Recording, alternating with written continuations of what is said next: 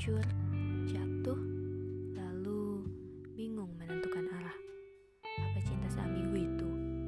Sayup-sayup harapan seakan pupus hanya karena sang pujaan tak kunjung datang.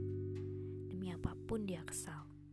Hidup tak selamanya tentang cinta, katanya. Memang hidup tak selamanya tentang cinta. Tapi pernahkah kau sadari? Jadi apa kita bila